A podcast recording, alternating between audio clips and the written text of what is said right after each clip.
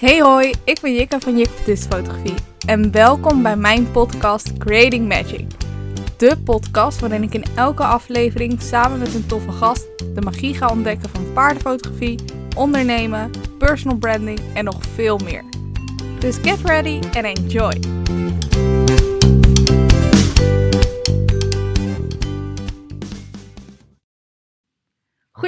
Goedemorgen, goedemiddag of goedenavond. Welkom bij een nieuwe aflevering, de derde alweer van de Creating Magic podcast. En vandaag ben ik weer niet alleen. Ik heb een super toffe gast en dat is Emma van Veldhuizen, oftewel Emma Emarella Fotografie. Yay! Yay! Zo leuk dat je er bent. Ehm, voor de mensen die Emma niet kennen, Emma, waar kennen mensen jou van? Ja, nou ja, ik ben dus uh, Emma van Emmerelle, zoals ik net al zei. Ehm, ik ben nu uh, ja, ongeveer twee jaar bezig met fotografie. Waar ik vorig jaar best wel veel uh, bezig was met vooral gewoon klantenfotografie. Richt ik me nou heel erg ehm, ja, wat meer op workshops. ben bezig met fotoreizen. Ik heb onlangs een boek geschreven. Dus eigenlijk een beetje van alles wat. En um, ja, zo probeer ik het te combineren met niet alleen het fotografie stukje van klant en fotograaf. Maar daar ook wat wat er wat meer bij komt kijken eigenlijk. Ja, top. Je bent echt een soort uh, een, een duizendpoten. Ja. je doet echt van alles wat, maar het heeft allemaal met fotografie te maken. Ja, precies. Dus, en paardenfotografie, uh, nog ja, belangrijker. Ja, want inderdaad, heel veel mensen vragen altijd, oh, ben je dan fotograaf? Alleen paarden? Ik zeg, ja, alleen paarden. Vinden mensen heel gek, maar uh, ja, dat vind ik gewoon echt het leukste om te doen. En ja, er zijn zoveel dingen wat je ermee kan, dus ja, probeer steeds weer wat nieuws uh, te bedenken, een nieuw project. Ja, heerlijk. Ja. Als je wat uh, gekke achtergrondgeluiden hoort, Emma heeft ook een dierenbende thuis. een hele leuke hond en katten. Um, en de hond snurkt. Dus. ja. We moesten hem net al even wakker maken, want het was een beetje storend. Uh. Dus als je, ja, als je net wat hoort, maar. Ja, dan. dan... Weet je waar het vandaan komt? Ja. Groot monster. Maar hij, is nou weer stil. Maar hij ligt ook echt op een manier dat je denkt, hoe dan? Ja, met die oren die er toch blijft staan. Ja. Oh, heerlijk. Oké, okay, back to business. We gaan het in deze podcast hebben over het thema locaties. Maar eerst wil ik het hebben met Emma over waar jullie denk ik allemaal gewoon het antwoord op willen weten. Hoe is Emma zo snel gegroeid?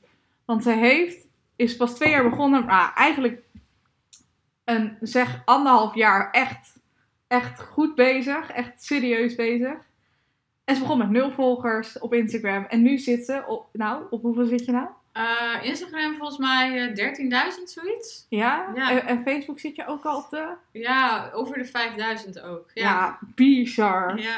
Nou, dat is bijna iedereen's droom als paardenfotograaf om zo snel bekend te zijn. En het lukt bijna niemand, maar Emma wel. ja. Ja, ja.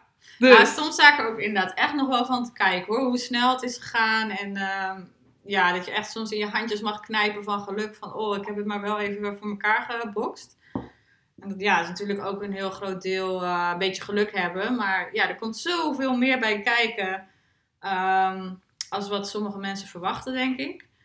En ik had al wel wat um, achtergrondinformatie van social media vanwege mijn uh, andere bedrijf. Dus wat dat betreft kon ik daar wel lekker een beetje op inspelen. Um, wat geholpen heeft. Maar ja, er zijn natuurlijk nog veel meer dingen wat heel erg van belang is. En als je dat een beetje ja, ontdekt van, oh, dit vinden mensen heel erg leuk. En daarop inspeelt. Uh, dan kan het in één keer heel hard gaan. En ja, zo is het uh, een beetje bij mij gelopen. Ja, precies. Ja, want je hebt natuurlijk, je begon eigenlijk als uh, paardensieraden maakte je ook. Maakte, maak je eigenlijk nog steeds. Ja, ja dat, is, dat was, was, is mijn bedrijf. Ja. Dus daar was ik gewoon altijd elke dag mee bezig. En toen kwam fotografie. Ja, en toen kwam fotografie. En het is ook nooit de bedoeling geweest dat dat ehm, een bedrijf of weet ik voor iets uh, inkomsten zou opleveren. Ik wilde het echt puur uh, voor de hobby uh, doen eigenlijk. Maar dat is eigenlijk echt uit de hand gelopen. En ik was ook, ja, in het begin had ik echt zoiets van, ja, vind ik het wel leuk. En ik wilde inderdaad niet dat het iets moeten is, maar dat het gewoon mag. En dat je er iets mee kan doen wanneer je er zin in hebt. Maar uiteindelijk had ik er altijd zin in. En is het, ja, vond ik het altijd super leuk. En dus ging ik het ook steeds leuker vinden. En werd je heel gemotiveerd. En ja, en uiteindelijk uh, ben ik heel weinig met de sieraden nog bezig, want daar heb ik geen tijd meer voor. En alleen nog maar uh, fotografie. met recht een, een uit de hand gelopen hobby. ja, nou echt ja. Dat, ja. Het is echt nooit de bedoeling geweest. Ik weet nog dat ik tegen mijn moeder zei, helemaal in het begin van ja, ik uh, maak mijn prijzen gewoon heel erg hoog al gelijk. Want dan word ik toch niet geboekt. En dan kan ik gewoon lekker de gratis dingen doen die ik gewoon leuk vind. En dan is het, is het gewoon lekker als hobby, weet je wel. Dat het niet een moeten is, maar mogen. En dat was heel erg de insteek. Ja, uiteindelijk, uh, ja, toch werd ik ook geboekt van die hele, ook met de dure prijs werd ik geboekt. En toen was, ja, dat is natuurlijk ook kick. Dus dat uh, ben ik toen ook mee bezig geweest. En ja, dat, dat, loopt van het een in het ander. En uh, voor ik het wist, deed ik niks anders meer. Op welke prijs begon je ook alweer? Nou, ik heb volgens mij een maand mijn prijzen op 50 euro gehad. Oh, nou, toen kreeg ik echt van die opdrachten waarvan ik ook echt dacht, jezus, daar heb ik helemaal geen zin in. En in het begin wil je dat natuurlijk ook wel aannemen, want oh, dat vind ik leuk. En iemand wil betalen voor mijn, uh, voor mijn foto's. Uh, maar ja, dan ging ik black foto's maken. Nou ja, iedereen weet waarschijnlijk, blackfoto is niet mijn ding. Nee, mijn ook niet. Nee, dus daar doe ik echt helemaal niks mee. Maar zo, dat soort opdrachten kreeg ik dan. En toen dacht ik echt ook met editing, hè, ik vind het echt helemaal niks aan. Waarom doe ik dit eigenlijk? En dan helemaal voor 50 euro, weet je Dat is me helemaal niet die 50 euro waard. Dus ik denk dat ik toen uh, al vrij snel mijn prijs op 150 euro had gezet of zo. Ja, dus, ja, het is niet heel veel voor wat ik nu vraag. Maar voor een paardenfotograaf die net begint is het natuurlijk belachelijk. Ik was nog helemaal niet zo heel goed toen ja, echt met de insteek van, joh, dan uh, hou ik ze een beetje op afstand, weet je wel. Dan heb je wel een website, heb je het wel online staan, dus je kan het wel doorsturen. Dus het ziet er wel leuk en aardig allemaal uit. Maar het was niet de bedoeling dat ik echt geboekt zou worden. Nou, mission failed. of succeeded. ja. ja, ja, maar uiteindelijk, um, omdat ik heel veel heb gedaan wat ik leuk vond, en dus ook heel veel naar, ja, waar we het straks ook wat meer verder gaan doorgaan, uh, praten over die locaties, zeg maar. Ik deed heel veel met bijzondere locaties, bijzondere paarden, omdat ik dat echt heel gaaf vond. Uh, en dat kwam uiteindelijk in mijn portfolio terecht. En toen kreeg ik de klanten van, joh, maar dat wil ik ook. En dan kreeg ik klanten die zeiden van, nou, ik wil gewoon dat jij foto's maakt. Jij mag bepalen. Zeg jij maar waar. Zeg jij maar wanneer. Zeg jij maar wat ik aantrek.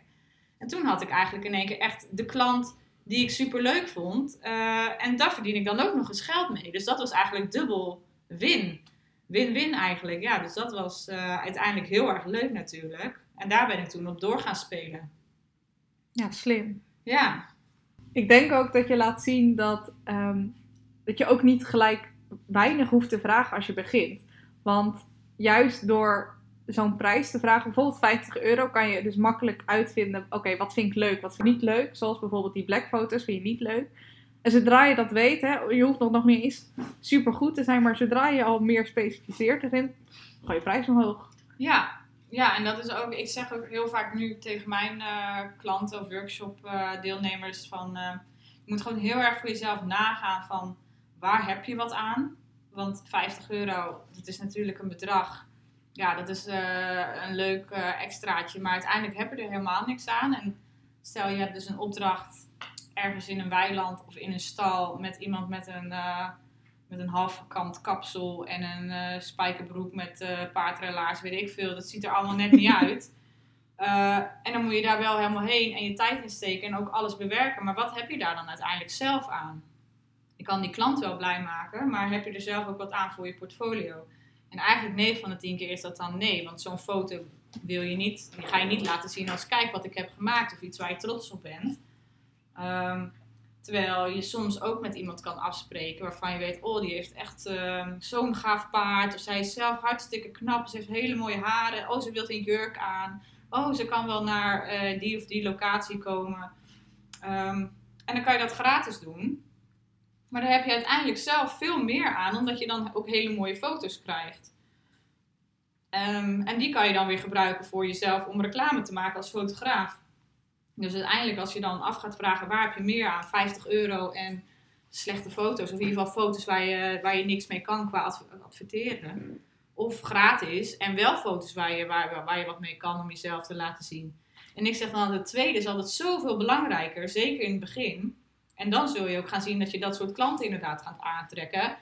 En dan kan je ook heel makkelijk gewoon wat meer geld vragen. Want dan kiezen de klanten voor jou, voor jouw stijl en voor, jou, voor jou pakken Jan. In plaats van dat ze gewoon zeggen, joh, ik wil foto's. Maakt me niet uit welke fotograaf er komt. Uh, als het maar niet te duur is. Uh, Pietje of Jantje, dat maakt me niet uit. Als er maar iemand komt. Ja. En dat is uh, denk ik wat heel belangrijk is om, ja, om jezelf een beetje neer te zetten, zeg. Het is ook hoe je profileert natuurlijk. Hè? Als je 50 euro vraagt, dan verwachten mensen daar ook iets bij. Maar als je 150 euro vraagt, dan verwachten mensen ook gelijk hè, meer van dat je professioneel bent. Dus het is ook, hoe dus zie je jezelf? Zie je jezelf als beginner? Ehm, of zie je jezelf echt als, hé, hey, ik wil later hier echt iets mee doen? Ja, dan. Je straalt professionaliteit uit. En wat ook echt een heel bekend fenomeen is uh, onder de paardenfotografen. Ik weet niet of dat bij alle fotografen zo is. Maar zeker bij de paardenfotografen is dat een klant die 50 euro betaalt, is 9 van de 10 keer veel lastiger en vervelender. en dramatischer en veel eisender dan wanneer je veel geld vraagt.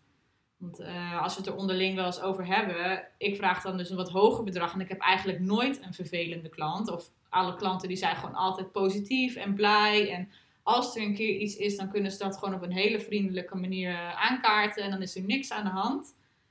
Terwijl mensen die dan voor lage bedragen werken, die hebben echt stuk voor stuk achter elkaar door allemaal van die horrorverhalen met horrorklanten. dat je echt denkt, oh man, wat moet je hiermee?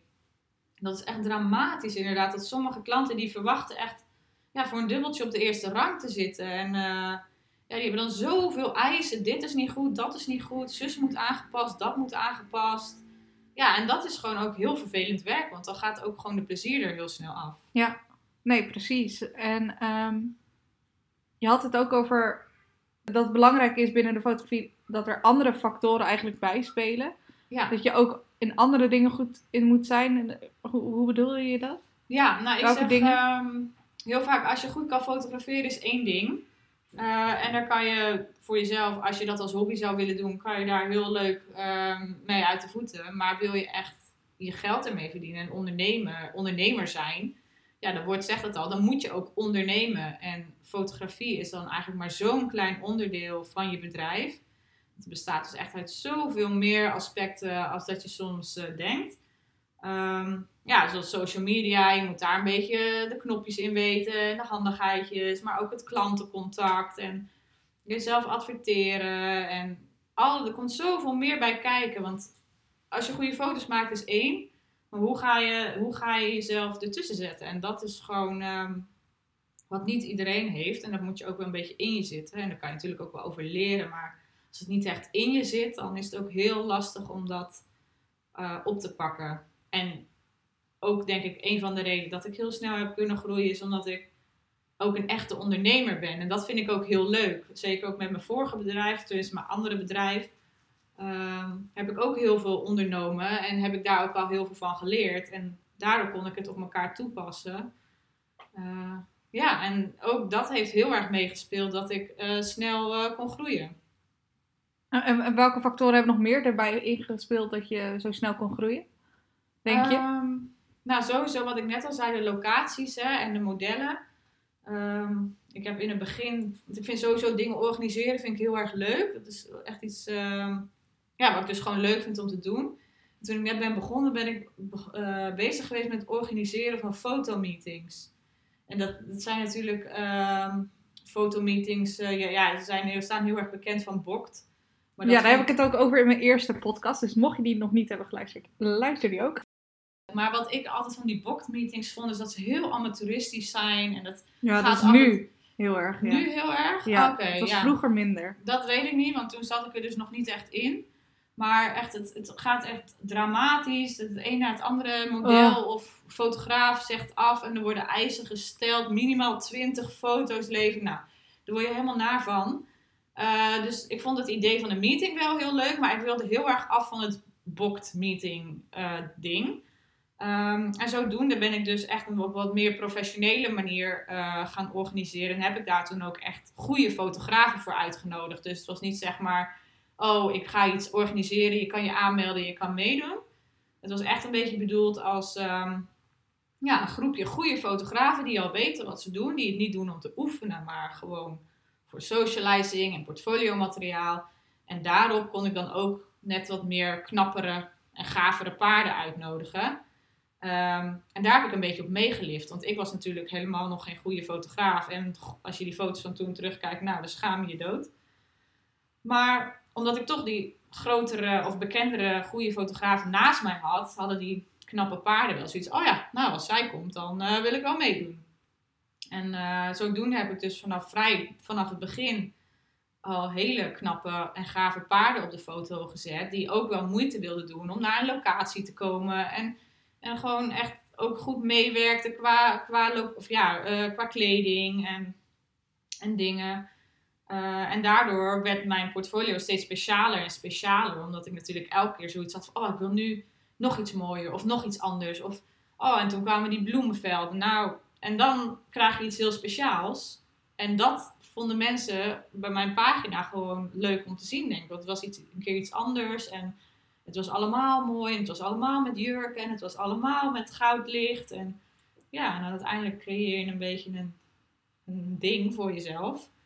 Waarvoor mensen terugkomen en terugkijken op je pagina. Dus buiten de locaties om en buiten je ondernemerschap is eigenlijk die portfolio meetings waar je mee begon, ja. die fotomeetings. Ja. Ehm, dat zijn eigenlijk de drie factoren die bij hebben gedragen aan jouw grote groeisucces. ja, dat denk ik wel. En ik, ook als ik nu workshops geef, ik zeg ook, je portfolio is echt ook zo, zo, zo belangrijk.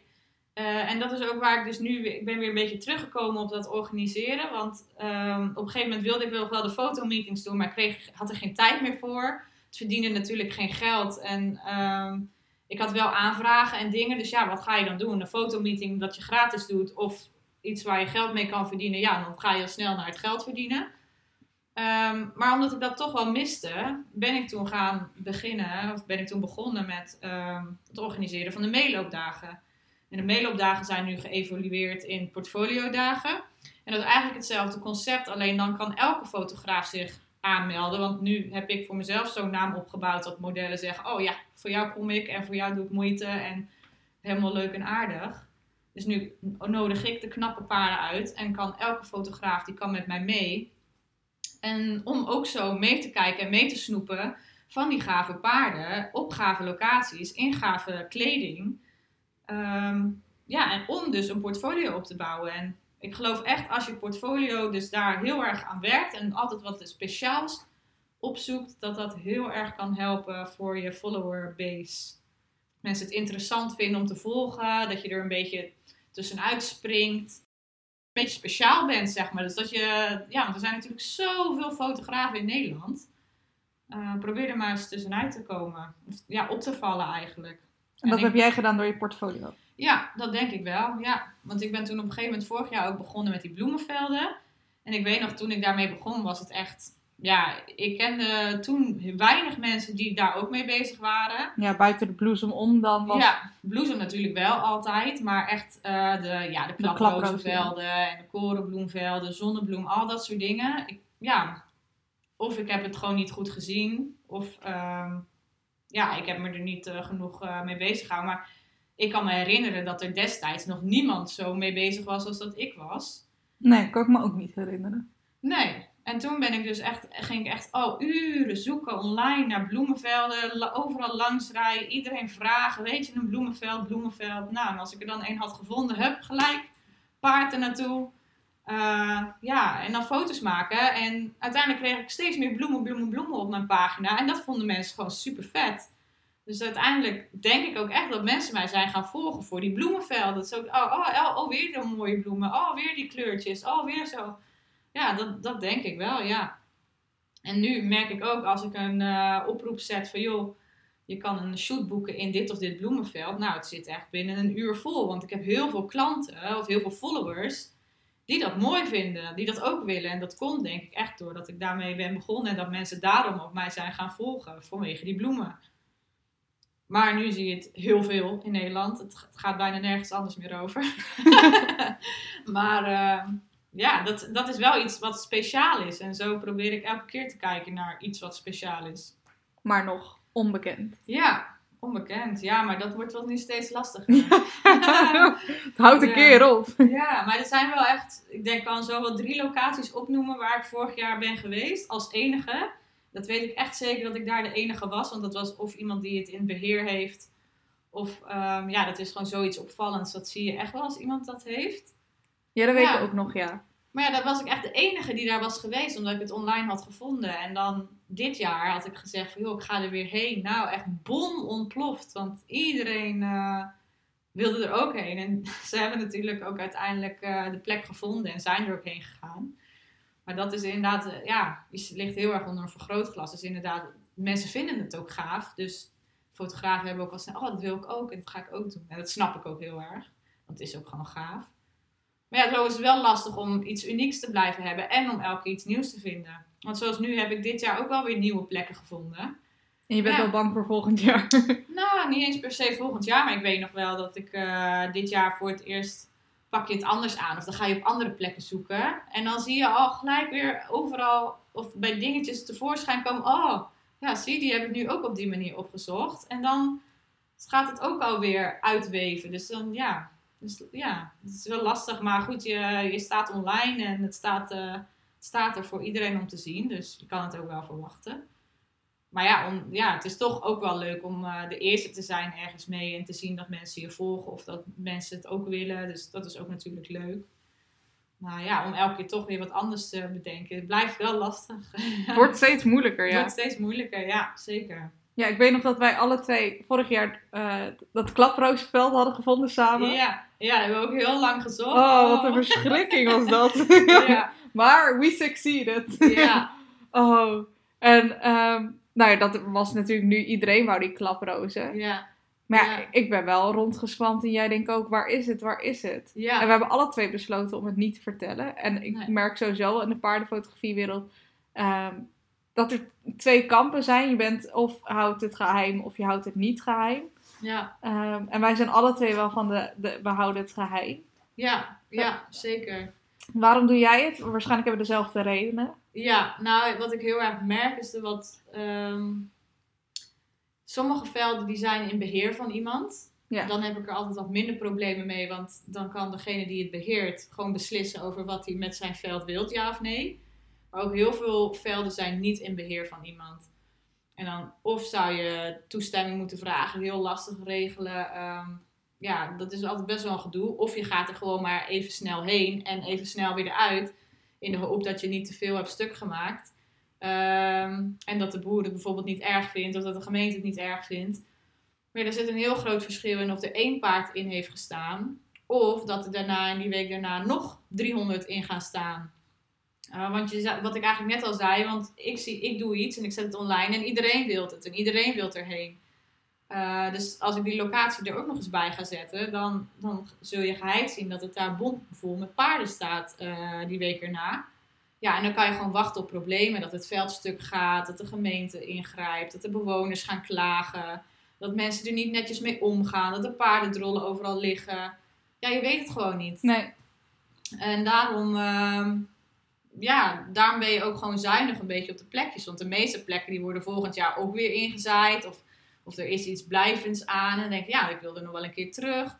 Maar ja, of ik er nog een keer terug ga of 300 anderen ja, dan, dan kies ik toch voor mezelf uiteindelijk. Want ik heb ook de moeite gedaan om het te vinden. Ja, nou ja, dat merk ik ook wel. En uh, ik denk ook, het is ook niet per se dat we het niet willen delen. Of hè, als het kon en het veld zou van uh, plastic zijn of zo. Ja, tuurlijk hè. Ja. Willen we het allemaal delen. En we zijn alle twee heel erg van het waarde delen. En uh, daar horen locaties ook bij. Ja. Maar we doen het echt, en dat klinkt als een slecht excuus, maar we doen het echt voor de natuur. Ik weet nog, Um, bij het Klaprozenveld zijn wij alle twee op verschillende dagen gegaan, omdat we gewoon geen dag konden vinden dat we samen konden. Ja. En ik kwam toen een dag erna en we hadden dus alle twee al paarden gehad. Um, en dat was echt voor het veld al de max. Maar we kregen ook wel gewoon omstanders om ons heen van um, mensen die in de buurt woonden. Van, hé, hey, dit, wat, wat doen jullie? En dit is ja, zonde voor het veld. Ja. En daardoor hebben we alle twee gedacht, oké, dit is de max voor de lokale bewoners. Ja, en voor het veld. Dat we ook hebben besloten, oké, als er nog meer op komt, dan brengen we dus echt overlast. En, ehm, en dat wil je niet. Ik weet nog dat een paar jaar geleden ehm, heb je in Almere heb je die bloesembomenlaanstraat. Ja. In de... Oh, vreselijk. En dat is echt geëscaleerd nou, echt enorm. Uh, daar is ook gewoon de gemeente toen naartoe gegaan. De politie kwam erbij. de mensen gingen klagen omdat er gewoon poep werd laten liggen. Mensen die gewoon uit de buurt kwamen te kijken, konden gewoon niet meer zien omdat er overal paarden waren.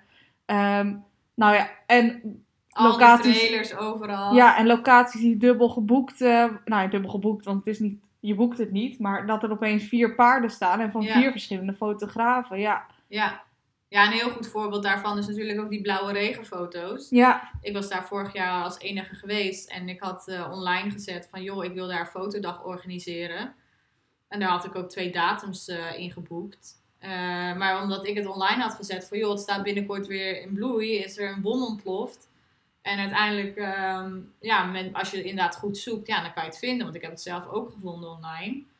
Um, en ja, en, en op een gegeven moment stonden daar elke dag paarden. En toen op een gegeven moment, uh, ik had ook dikke stress. Want het is echt een locatie waar maar één paard tegelijk bezig kan.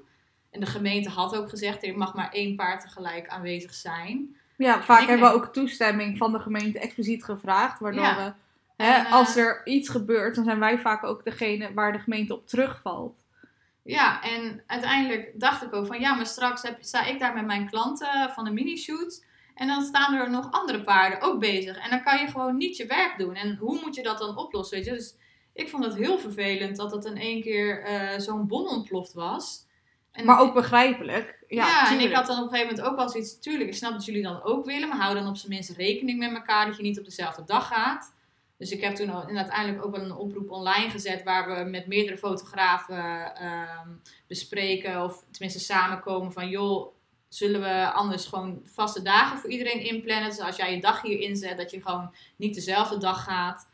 Uh, zodat je in ieder geval gewoon wel je foto's kan maken. En ook vanwege de gemeente dat je er dus niet met dubbele paarden komt te staan. En heel veel mensen hebben dat ook wel gezien. Maar ja, die lijst die werd langer, langer, langer, langer, langer. Echt, ik denk dat er drie weken lang elke dag mensen hebben gestaan. Oh ja, het was echt... Ja, buurtbewoners hebben inderdaad echt gevraagd, wat, wat is hier aan de hand, weet je wel? Dus ik kan me zo voorstellen dat volgend jaar de gemeente zegt, joh uh, was heel leuk dat we ja hebben gezegd. Daar konden we niet op terugkomen, maar dat gaan we dit jaar anders doen. Ja. Bijvoorbeeld, hè. Dus um, zo verpest je het toch een beetje voor elkaar uiteindelijk. Ja, het is lastig, want iedereen wil natuurlijk komen en je kan niet zeggen locatie is van mij, want zo werkt het natuurlijk niet. Maar dat wil je toch een beetje voorkomen, want ik, ik zie het zo gebeuren dat we volgend jaar daar niet nog een keer mogen komen. Ja. En dan ja, is het jammer voor mij, maar ja, jammer voor iedereen het is ook een beetje zelfbescherming voor de. Ja, niet alleen onszelf, maar ook voor, voor, de, voor jullie. Want straks kunnen jullie er ook niet meer van genieten. Doordat het zo uit de hand is gelopen. Ja, en het is dan op een gegeven moment is het een beetje alles of niks. Hè? Want ik was er dan als enigste geweest vorig jaar. En dat is natuurlijk prima, daar heeft niemand last van. Maar omdat het dit jaar dan in één keer zo'n bom ontploft is dat iedereen gaat. En dat het zo vol heeft gestaan daar ja, dan wordt het waarschijnlijk gewoon afgeschaft en dan is het voor niemand meer te gebruiken, of tenminste te verlenen. Ja, en ik denk weer, ja, ik, ik heb wel heel veel moeite gedaan om het te vinden en ik, ik had iets unieks en ik had iets leuks en dan toch wordt straks de deur dichtgegooid. Misschien, weet ik niet. Maar daar, daarom dat je dat in je achterhoofd ook houdt, uh, ben je toch voorzichtig met het delen van locaties. Ja. Ja, en er zijn ook locaties die ik wel deel hoor. Want ik uh, werk ook uh, vaak samen met mensen die dus een veld in beheer hebben. En daarvan weet ik dat ze daar alleen heen kunnen in, in overleg met het beheer. Dus dan kan het beheer zelf kiezen wat ze willen. Veel paarden, weinig paarden, af en toe eentje of helemaal niemand. Dan zet ik het er gewoon bij. Dan vind ik het helemaal niet erg. Dan kan iedereen zelf contact opnemen met die mensen van joh. En dan kan je zelf, kunnen ze zelf um, ja, de grens bewaken. Ja. Uh, en dan zet ik het er wel bij. Ik bedoel, dat gebeurt ook vaak zat. Maar als het niet in beheer is van iemand, of het is niet bij iemand achter in zijn tuin of zo, dan ben ik er wel echt uh, voorzichtig mee. Ja. ja. ik denk dat heel veel mensen ook onze mening delen. En um, we willen niemand voor hun voeten schoppen. Absoluut niet. En we hopen dat we door dit te bespreken, dat de boel een beetje openbreken. En ook laten zien de context erachter. Ja. Want soms, ja, je hoort een nee. En dat is niet omdat we het gewoon niet willen. Maar gewoon omdat we het niet kunnen. Ja, en ik denk ook heel erg, uh, wel vaak van, ja, ik doe ook heel erg moeite om iets te vinden. waarom doe je dat zelf niet? Bijvoorbeeld, je kan zelf ook uh, online gaan zoeken of rondrijden of friend mensen vragen. Ehm, je kan zelf ook op research gaan. En als je dan iets hebt gevonden, is het juist des te leuker dat je het zelf, zelf hebt gevonden en zelf iets hebt geregeld. En dat jij ook ehm, iets unieks hebt, zeg maar, qua uh, foto's. Dus ik moedig altijd iedereen aan, ga lekker zoeken. En je, zult echt wel vinden, als je er een beetje handig in bent, of handig in wordt zelfs, um, of er gewoon een goede tip krijgt van je volgers. Want dat heb ik ook heel vaak gedaan. Van joh, uh, dan vraag ik mijn volgers, wie weet een uh, mooi bloemenveld? En voor de gouden tip is er een gratis fotoshoot. Nou ja, zo heb ik ook dingen kunnen vinden. Weet je, en dat zijn dingen die iedereen kan doen. en dan hoef je ook niet op anderen te kijken van, oh, ik heb bij haar een veld gezien, dus ik wil daar ook een. Maar ja, ik moedig het juist ook aan om zelf gewoon lekker te gaan zoeken. Oké, dus je wil je eigen locaties vinden, maar hoe doe je dat? Eh, online dus, rondrijden, vragen aan mensen en vragen aan je volgers. Nog meer? Ja, ja gewoon online ook zoeken. Hè? Op een gegeven moment, uh, ja, je kan websites uh, zoeken. Ja, alles wat met bloemen te maken heeft, als je maar gaat googlen. Ja, Google is your best friend. Ja, zeker weten. En um, een ander gebied van locaties is als je een shoot hebt. Als je een fotoreportage hebt, dan heb je ook een locatie. En soms kan je die kiezen met de klant. Hè, waar, waar bij jou heel veel zeggen van kies de locatie maar, ik kom wel. Ja, ehm, Maar je hebt ook klanten die zeggen mijn paard kan alleen op stal of mhm. alleen in een weiland. Ja. Ehm, maar hoe bepaal je een locatie bij een fotoreportage? Uh, nou, waar ik altijd als eerste naar kijk, ehm, wat ik heel belangrijk vind, of er bomen zijn. Uh, want dat maakt je fotoshoot zoveel makkelijker en het geeft ook wel wat meer sfeer. En je hebt iets om het licht te breken. Um, ik fotografeer natuurlijk alleen met zonsondergang, uh, gouden uur, um, met een laagstaande zon. Jee, nou ja. team. ja, en als die zon recht in je camera schijnt, net als op het strand, is heel lastig. Heel veel mensen denken, oh yes, strand, super vet, super mooi. En ik zeg altijd, ja, het is heel mooi, maar het is heel lastig op het strand. Zeker met de felle zon. Ja, wij duiken altijd de duinen in, hè? Ja, uh, ik echt het alleen op het strand. Als er een felle zonsondergang is zonder wolken, dan uh, kan ik echt alleen het half, laatste half uurtje kan je wat. En daarvoor is het allemaal zo fel. Uh, omdat die zon echt recht in je lens schijnt en er door niks wordt gebroken. Dus dan ben je heel erg gelimiteerd in wat je kan doen en hoe je het wil doen. En wat voor paard. Want dan heb je natuurlijk een zwart paard. Dan, oh, en dan wordt de hele achtergrond super wit. Um, maar goed, dat is dus eigenlijk lastig. Dus waar echt heel erg naar kijk, zijn er bomen. Um, en als je dus bij iemand op stal fotografeert, zou ik echt vragen van maak even een filmpje op stal van je weiland. Zijn er iets van bomen? Hoe hoog zijn die? Hoe dicht zijn die? Um, en ook op Google Maps kan je altijd heel, kijken, heel veel kijken op Street View. Um, ja, en dat, dat, door die bomen kan je dus een beetje je licht breken. En dan zijn er ook nog weer verschillen in bomen, in bomengrenzen. Want je hebt af en toe hier en daar een boom met bijvoorbeeld veel bladeren. Nou, dan heb je een, een, een beetje een lichte boomgrens, uh, wat wel je licht breekt, maar je hebt alsnog een open ruimte. En ik vind daar de Soesterduin een heel mooi voorbeeld van. Het is eigenlijk een hele grote mooie open ruimte. Je kan heel veel diepte creëren, maar omdat er hier af en toe een boom staat, uh, kan je toch je licht breken en zo uh, verschillende achtergronden creëren.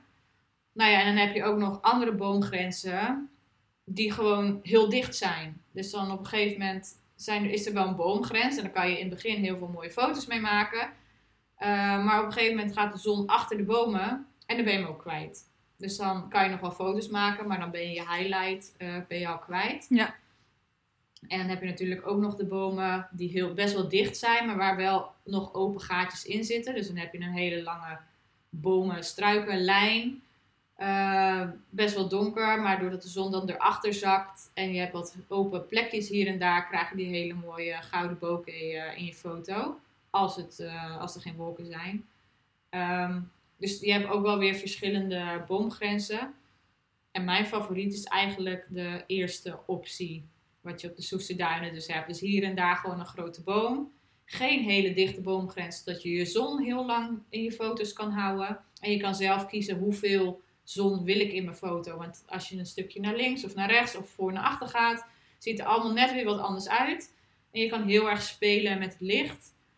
Uh, in plaats van dat je gewoon één rechte, strakke, dichte boomgrens hebt en je hebt de zon of je hebt hem niet. En als die weg is, is het klaar. Dat vind ik persoonlijk alweer veel minder fijn. Maar het is wel beter als er helemaal geen bomen. Maar hoe, hoe dus je kijkt alleen naar bomen als je een locatie kiest? Of? Ja, nou ja, ik ben een echte natuurfotograaf. Hè? Dus uh, eigenlijk shoots op stallen doe ik niet. Op een weiland eigenlijk ook niet. Um, ik ga echt naar het natuurgebied in Nederland. Nou ja, je hebt echt de bekende natuurlijk met de heide en de zandverstuiving hier. Heb je heel veel van. Watertjes is altijd heel leuk. En op het strand kom ik ook regelmatig, maar dat is inderdaad dan wel wat uh, uitdagender. Um, maar je zorgt eigenlijk ervoor dat je altijd een, uh, dat er iets gebeurt qua natuur op de achtergrond. Ja, ik hou daar heel erg van. Dus echt geen strakke horizon. Nee, geen strakke horizon. Inderdaad, geen storende objecten, geen gebouwen, geen hekken, geen autoweg, geen dingen. Ja, echt. Bij mij moet het er heel natuurlijk uitzien. Dus dat er niks, geen moderne objecten, of eigenlijk gebouwde objecten in zitten. Ehm, dus dingen als met een hek, dat vind ik al heel naar. En alle weilanden hebben een hek. Dus ja, dat sla ik dan al heel snel over, tenzij het niet anders kan. Ehm, maar ja, dan moet ik hem er weer helemaal uithalen. Dus dat is weer extra werk. En gewoon op een natuurgebied heb je natuurlijk geen hek. Tenminste, ja, je hebt wel hekken. Maar als je gewoon er mooi in het midden van het gebied staat, heb je geen hek. Je hoeft bijna geen dingen eruit te halen. Hier en daar misschien een bankje of een ja, prullenbakje. Ja. Ehm, ja, dus het scheelt jezelf ook veel meer tijd qua bewerken. Ja, en maakt het daardoor ook veel leuker. Ja. Maar stel, kijk, wij zijn alle twee wonen vlakbij Utrecht, dus onze to-go locatie is altijd de Soesterduinen geweest. Ja. Ehm, en ik weet, ik, als je de Soesterduinen kent, voor de luisteraars, dan weet je dat je loopt op een pad van het bos een beetje naar de vlakte toe. Ja. En dan sta je daar en dan moet je naar beneden lopen over die vlakte en het is huge. Het is super groot. Het is allemaal mooi. Het is... Je, je, je raakt er altijd een beetje overweldigend van. Herken je dat gevoel? Ja, nou, ik heb dat gevoel niet meer. Maar ik herken het wel heel erg bij mijn workshop deelnemers. Nou ja, maar ja. dat hebben we alle twee gehad, die fase. Ja, ja precies. En um, ik weet natuurlijk nu mijn plekjes waar ik heen moet gaan. Maar het is altijd wel leuk om te zien, want als ik uh, iemand met een, iemand een privé workshop doe, dan zeg ik ook heel vaak van joh, wat denk jij nou dat een mooie locatie is? En dan zie je ze al heel lang nadenken en om zich heen kijken. En nou, dan vraag ik inderdaad van nou, weet je waar je op moet letten? Uh, qua, wat, qua plekje kiezen. Nou, en heel vaak inderdaad zeggen ze, nou nee, dat weet ik dan niet zo goed. Of ze noemen wel een paar uh, goede dingen op. Maar om dat dan ook nog ja, in de praktijk toe te brengen, dat is wel even een ander ding. Want je hebt inderdaad zoveel plekken dat je een beetje overweldigend wordt van, oh, er is echt zoveel moois. Ja, hoe moet ik hieruit kiezen? Hoe kies je dan? Ja, nou, wat ik dus eigenlijk altijd naar kijk, um, is dus een boom op de achtergrond. Zeker in zo'n Ja, maar de Soese Duinen wordt omringd door bomen. Omringd door bomen, inderdaad. Maar waar ik dan dus naar kijk, is een boom waar wel het licht gewoon mooi doorheen schijnt. Um, en als de zon nog best wel hoog staat, zoek ik eigenlijk ook een boom op die best wel wat schaduw heeft. Zodat je nog een klein beetje half in de schaduw kan staan. Um, en natuurlijk een boom um, op een plek waar zeg maar, de zon recht in je lens schijnt. Dus zeg maar om backlight te creëren. Ja. waar ik ook, wat ik heel erg mooi vind om te beginnen is natuurlijk met de heide. Dus dat je wat meer diepte kan creëren. Uh, doordat je de heide op de voorgrond neemt en het model staat in de heide en dan daar verderop staat daarachter nog een boom, uh, creëer je heel veel diepteverschil ja. in drie dimensions uh, in je foto. en wat ik altijd heel belangrijk vind, is dat de oortjes van het paard binnen de boomgrens blijven. Och, ja, dat is echt een belangrijke tip, jongens. Ja, dus zeg maar dat je paard of model niet half in de bomengrens staan en half in de lucht. Als je dat wel hebt, dan moet je dichter naar de boom toe lopen. Want dan wordt de boom ja, of hoger zelf gaan staan. Ja, of hoger zelf gaan staan inderdaad. Dat kan ook. Maar dan verlies je wel weer een beetje dat 3D Ja, als je bij de heide, staat wel, ja. Ja, ja. Ehm, maar waar je dus ook op moet letten, want hoe dichter je natuurlijk naar de boom toe gaat, hoe scherper je achtergrond wordt. Ja. En waar, wat ik prachtig vind, is hoe waziger en hoe onscherper mijn achtergrond is, hoe mooier ik het vind. Dus je moet precies die ehm, middenweg zien te vinden van onscherpe achtergrond, dus zo ver mogelijk van de boom af. Maar ook je model zo ver mogelijk van de boom af? Ja, je model inderdaad zo ver mogelijk van de boom af. Ehm, maar wel dat die oortjes binnen de boomgrens blijven. want anders heb je een soort van oortjes die een soort, ja, die worden dan een soort vliegtuig. Ja, ja en het is ook veel lastiger editen. Hè? Want op een gegeven moment dan krijg je best wel een groot contrastverschil van de boom en de lucht. Ehm, en soms kan je net aan een boom of iets kan je nog net even wat bijplakken of net even wat indoen of wat extra, wat minder. En dat is als je op een gegeven moment een halve lucht hebt en een halve boom, dan wordt dat, maakt het jezelf veel lastiger. Ja. Je kan al zoveel doen tijdens het fotograferen om het jezelf makkelijker te maken voor ja. later. Ja, en daarom is het dus ook belangrijk dat je een hoge en een grote boom neemt en niet ergens een klein struikje. Want daar kan je natuurlijk uh, maar heel korte afstand nemen en dan zit de paard al erboven, eroverheen. Dus daar uh, moet je goed op letten. Um, en nog meer. Dus uh, je kijkt dus naar de bomen. Eventueel, je begint met voorgrond, zoals met de heide. Ja. En dan? Voor actiefoto's, waar, waar let je dan? Ja, actiefoto's is nog een stukje lastiger, want daar heb je veel meer ruimte voor nodig als met uh, portretfoto's. Dan zal ik toch ook kijken naar een locatie waar, waar je wat meer bomen hebt in de achtergrond. Um, en waar de boomgrens net wat meer dicht is in plaats van hier en daar een boom. Um, en dan ook weer plaats je het paard zo ver mogelijk van de bomen af. Maar dat wel het hele paard binnen de bomen blijft, blijft vallen, zeg maar, tijdens het uh, actiefotograferen. En dan moet jij zelf natuurlijk ook nog een heel einde achter. Dus sowieso om de scherptediepte te krijgen, zoals bij een portretfoto, nou, dat zou je, is haast onmogelijk. Er zal altijd verschil zijn in scherptediepte. Ja, ja, absoluut. Um, maar het is wel mogelijk. Zeker bij de Soese Duinen en bij andere locaties natuurlijk ook. Het zijn echt wel veel geschikte plekken waar het wel goed kan. En je moet natuurlijk kijken naar de ondergrond. Want zoals bij de Soese Duinen, als je dat midden op het zand gaat doen. Och, dat is zwaar. Ja, heb je of uh, heb je wel mooie bomen op de achtergrond, maar dan is het helemaal zwart. Of je hebt alleen maar de lucht op de achtergrond. En ten tweede, uh, of ten derde, heb je super mulzand. Dus dan heeft hij twee rondjes gedaan en dan is hij al helemaal back af. En dan is je hele paddock, of tenminste ja, je paddock, je longeercirkel is al helemaal, uh, helemaal uh, mul. Ja, en dat houden ze gewoon niet vol. En dat is ook niet goed voor het paard zelf. Dat, ja, dat, daar maak je ook de eigenaren niet zo blij mee. En het zorgt er ook voor dat het paard um, niet zijn volle potentie kan laten zien. Omdat het nee. zo zwaar is, nee. krijg je juist die toffe spontane actiefoto's krijg je dan niet. Omdat het paard eigenlijk alleen maar bezig is om zijn balans te houden. Ja, en dus we moeten heel veel meer ploegen. Dus uh, dat is veel te zwaar. Dus ik kijk ook altijd wel naar iets waar het zand net even iets steviger is. Of waar het net een beetje een overgang is met gras. In de Soeseduinen heb je dat ook heel erg. Um, dus dan ga ik echt een beetje aan de rand staan. En zoals nu met die paarse heide wil ik heel graag de paarse heide op de achtergrond. Uh, dus dan ga ik ook echt kijken van, joh, hier heb ik en bomen en paarse heide en ik sta een beetje op het randje langs het gras. Moet je ook nog even goed checken op gaten en kuilen, want die vind je ook uh, hier en daar. En uh, grondwespen? ja, nou, grondwespen, laten we het daar maar niet over hebben. Drama. Ja. ja, dat wil je inderdaad ook niet. Dus ook niet midden door de heide gaan rennen, zou ik zeggen. Sowieso niet eigenlijk je vernielt het gewoon. Ja, Daar komt niet. het op neer. Dus dat Hou is, gewoon uh, respect voor de natuur. Ja, precies. En je, je ziet op zoveel plekken op Soeseduin, want dat is natuurlijk een hele populaire plek. Ja. Dat er al heel veel vernield is uh, doordat mensen erin gaan staan.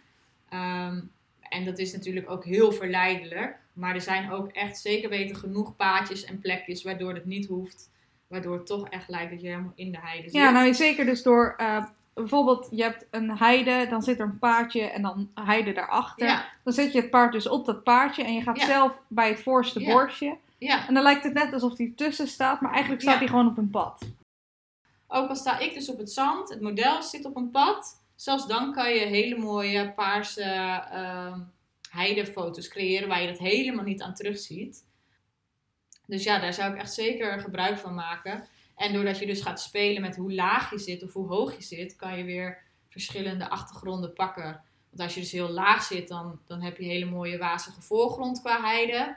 Uh, en zou je het pad echt helemaal niet zien.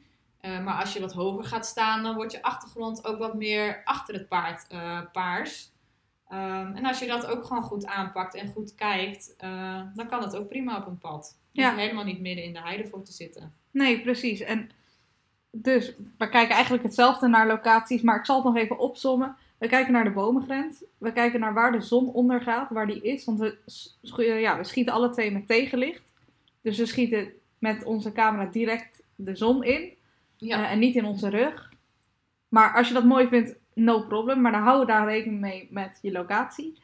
Uh, we kijken dus bij actiefoto's of het zand niet te mul is. We vernielen geen natuur. Nee. en we kijken naar de voorgrond en de achtergrond en in hoeverre uh, de afstand daartoe is met het model.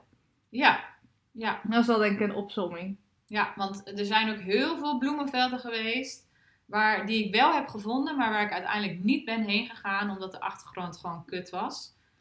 Dan, uh, ja, daar kijk ik ook echt naar. En de, en de boomgrens moet inderdaad op het westen staan, want anders staat de zon gewoon niet aan de goede kant. Ja, dus als je met zonsondergang dan. Ja, als je met zonsondergang tegenlicht wilt werken, ja, dan moet die boomgrens gewoon op west staan. En als die op oost staat, ja, dan moet je of s ochtends vroeg, of het gaat gewoon niet. Ja. Dus daar, ja, het zijn allemaal dingen waar je naar kijkt uh, voordat je ergens heen gaat. Ja, en dat, dat kan je dus, om jezelf die twijfel te besparen, kan je tijdens een shoot bijvoorbeeld het al van tevoren zelf kijken via uh, je hebt verschillende apps. Je hebt Golden Hour One, je hebt, uh, wat heb ik zelf? Um, Alphen Glow heb ik. Maar je hebt verschillende apps die laten zien waar de zon ondergaat. Dan kan je kijken met behulp van Street View. Uh, kan je al zoveel voorbereiden. Ik heb zelfs uh, in het begin met mijn klanten, toen ik het inderdaad allemaal zelf ook wat lastiger vond, vroeg ik gewoon of zij een filmpje wilden maken met een kompas aan. Dus dan stuurde ik zij gewoon met een kompas op de telefoon naar hun weiland. En dan zei ik, wil je even je kompas aanzetten en dan een filmpje maken. Wat is bij jou de westkant van jouw weiland? Oh ja. Nou, en zo, zo kon ik zien van, oh ja, deze achtergrond kan ik wel wat mee. Of deze achtergrond staat helemaal verkeerd. ja, dat heb ik heel veel gedaan. Ja, om toch wat zekerder van je zaak te zijn. Dat je niet voor verrassingen komt te staan. Dat je goed voorbereid bent. Dat je dus ook gewoon inderdaad weet van, oh ja, hier staat een goede achtergrond. Hier kan ik wat mee. In plaats van dat je daar aankomt en ziet in één keer een gebouw op de achtergrond en denkt, ja, uh, en nu? Dat is veel vervelender. Dus goed voorbereiden is echt het halve werk. Ja, en dan kom je ook veel professioneler over naar de klant. Ja, ja want ik heb ook inderdaad echt wel een paar keer gezegd van, joh, deze boomgrens of deze kant, het is op het west, uh, maar hier kan ik echt niks mee. Ja, jammer, dan moeten we of bij de buren even kijken of ergens verderop in de straat. Uh, ja, ja, want ze willen wel die foto's met het tegenlicht en met die bomen. Ja, precies. Ik maak ook echt gewoon geen foto's met licht mee. Dus dat, dat, ja, dat doe ik gewoon niet. Dus ik blijf daar echt wel aan vasthangen van als de achtergrond niet lukt voor tegenlichtfoto's, dan maak ik de foto's daar ook gewoon niet. Ja. Nou, ik denk dat dit echt een mega waardevolle podcast was. Echt, uh, ik vond het ook heel leuk om te doen. Ik denk dat je heel veel waarde hebt gedeeld. En uh, dat jullie luisteraars er echt verder mee kunnen. Ja, ik ben zo enthousiast dat ik heel vaak het woord echt gebruik. Oké, lekker. Nou, Em, super bedankt dat je gast zou zijn bij deze podcast. Ja, graag gedaan. Ik vond het heel leuk. Ik ben benieuwd uh, wat iedereen ervan vindt. Ja, komt vast allemaal goed. Waar kunnen ze jou vinden online? Ja, uh, Instagram, Facebook, Emma en Marelle. Spreek voor zich. Ja, uh, het is een beetje lastig typen mijn laatste naam. Maar ik denk als je Emma en dan nog een E erachter typt, dat hij wel omhoog komt. En, uh, en je website is ook Emma en Marelle? Ja, allemaal Emma en. Ja, nou. lekker makkelijk. Ja, maar dan moeilijk doen als het makkelijk kan. ja. dat is ook belangrijk. Ja, precies. Dat was het dan. Weet dat je me altijd een berichtje kan doen op Instagram voor een gezellig babbeltje. Als je een cheerleader nodig hebt voor al je vragen. Vind ik alleen maar heel leuk. Als je deze podcast waardevol, motiverend vond of heb je een hele mooie les uitgehaald, dan zou ik het heel tof vinden als je je op deze podcast abonneert en je deze podcast deelt via Instagram. Zo kunnen nog meer getalenteerde paardenfotografen hiervan leren en genieten. Bedankt in ieder geval uit de grond van mijn hart voor het luisteren. En see you at the next one!